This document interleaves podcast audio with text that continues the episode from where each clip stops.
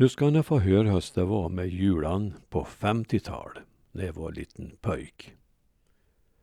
Nya Värmlandstidningen den 23 i tört 2017. Julfiringa på 50-tal var enkel men ändå väldigt god att tänka tillbaka på.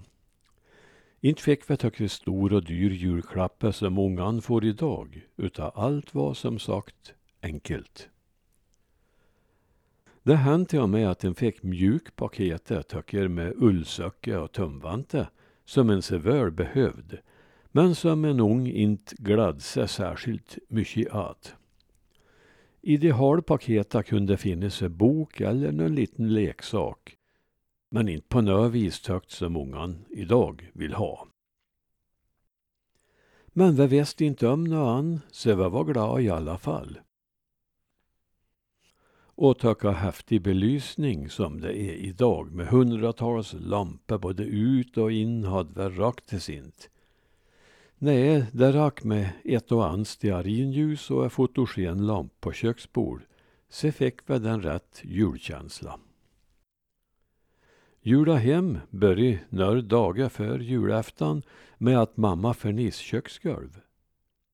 Detta gjorde hon sent på kvällen när vi unga hade gått och lagt oss och då fick vi förstås inte tas in i kök förrän det hade törk.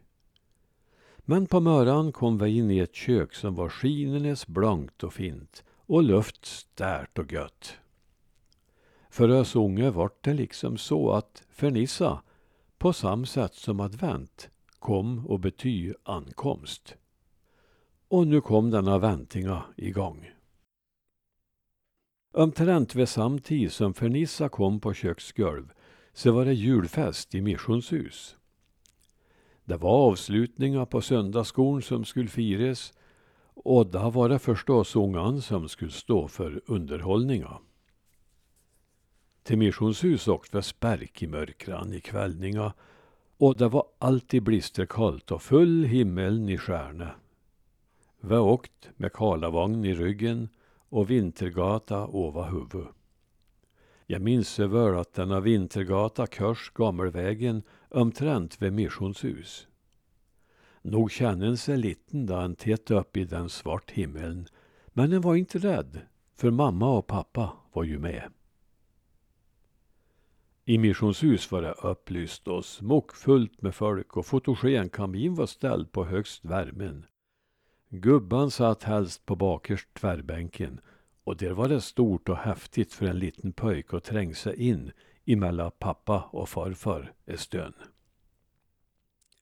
Annars var det så att ungan skulle sitta på bänkan längst fram för att kväckt kunna komma fram och läsa eller sjung för de vuxna. Men all ungan kutte kring och rejol och batter ända till det skulle sjungas och spelas pjäser. Jesusbarn låg i krubb på flanellografen som var den storbilds-tv.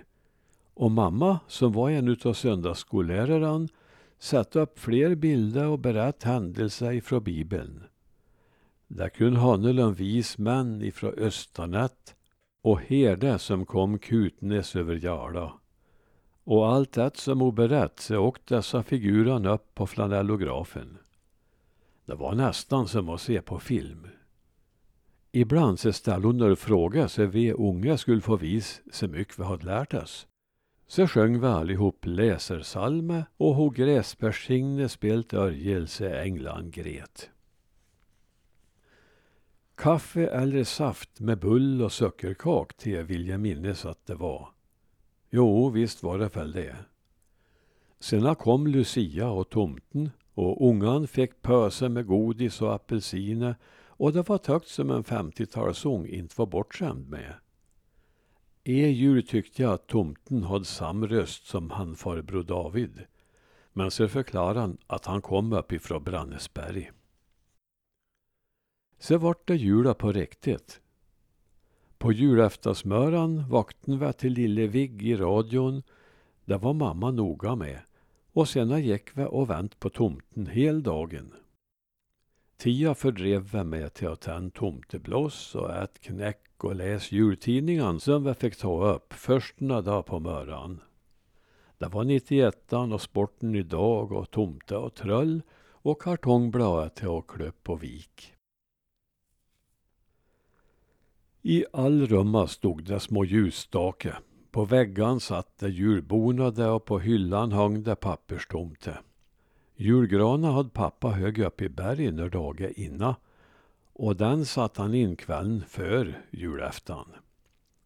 Det hände att han fick ta fram börvinna och göra ett litet hål och sätta i en extra kvist om det visste att det var för ont om grenar på Noas i. Grana klädde med kule och smällkarameller och kristyrängle och en spir utav glas i toppen. Och så tände de levendes ljusa i grana en liten stund. De fick inte brinna så länge för det kunde ta el. Men vi han med en liten sväng om runt grana ibland. Fast vi unga inte var så där upplagd för dansing. Pappa hade också hämtat julgran till herrskapsfröknan i granngarn och som tack för detta fick en en jultidning. Ifrån år inna. Och så var det julmiddagen. Frestelse, köttbulle, tullkorv och risgrynsgröt och lutfisk, dopp i gryta och skink. Ja, julskinka som var det bästa av allt. Julmust fanns nog inte på bordet och jag vill minnas att vi drack den vanliga västbydricken till maten. Där satt vi där, tvätten och finklädd runt köksbord allihopa och hade värt och gött runt de levernes ljusa och denna lill fotogenlampa på bord. Framåt kvällen kom tomten. Och det var förstås det all hade vänt på. Väs let upp paketa och lekt med presenten resten av kvällen. Än till sömn. Nu var enda jul var vi på julotta i missionshus. Men till kyrka var det långt och detta var innan pappa hade bil. Och på motorcykel kunde vi ju inte komma sex personer. Nej, det fick räcka med sparkåkning till missionshus. Om vi kom upp i tid, vill säga.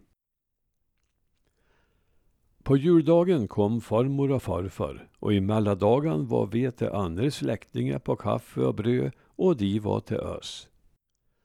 Det var på den tiden folk hade stönnan och häls på eraner. Men sen kom tvn och så småningom dessa små telefonan.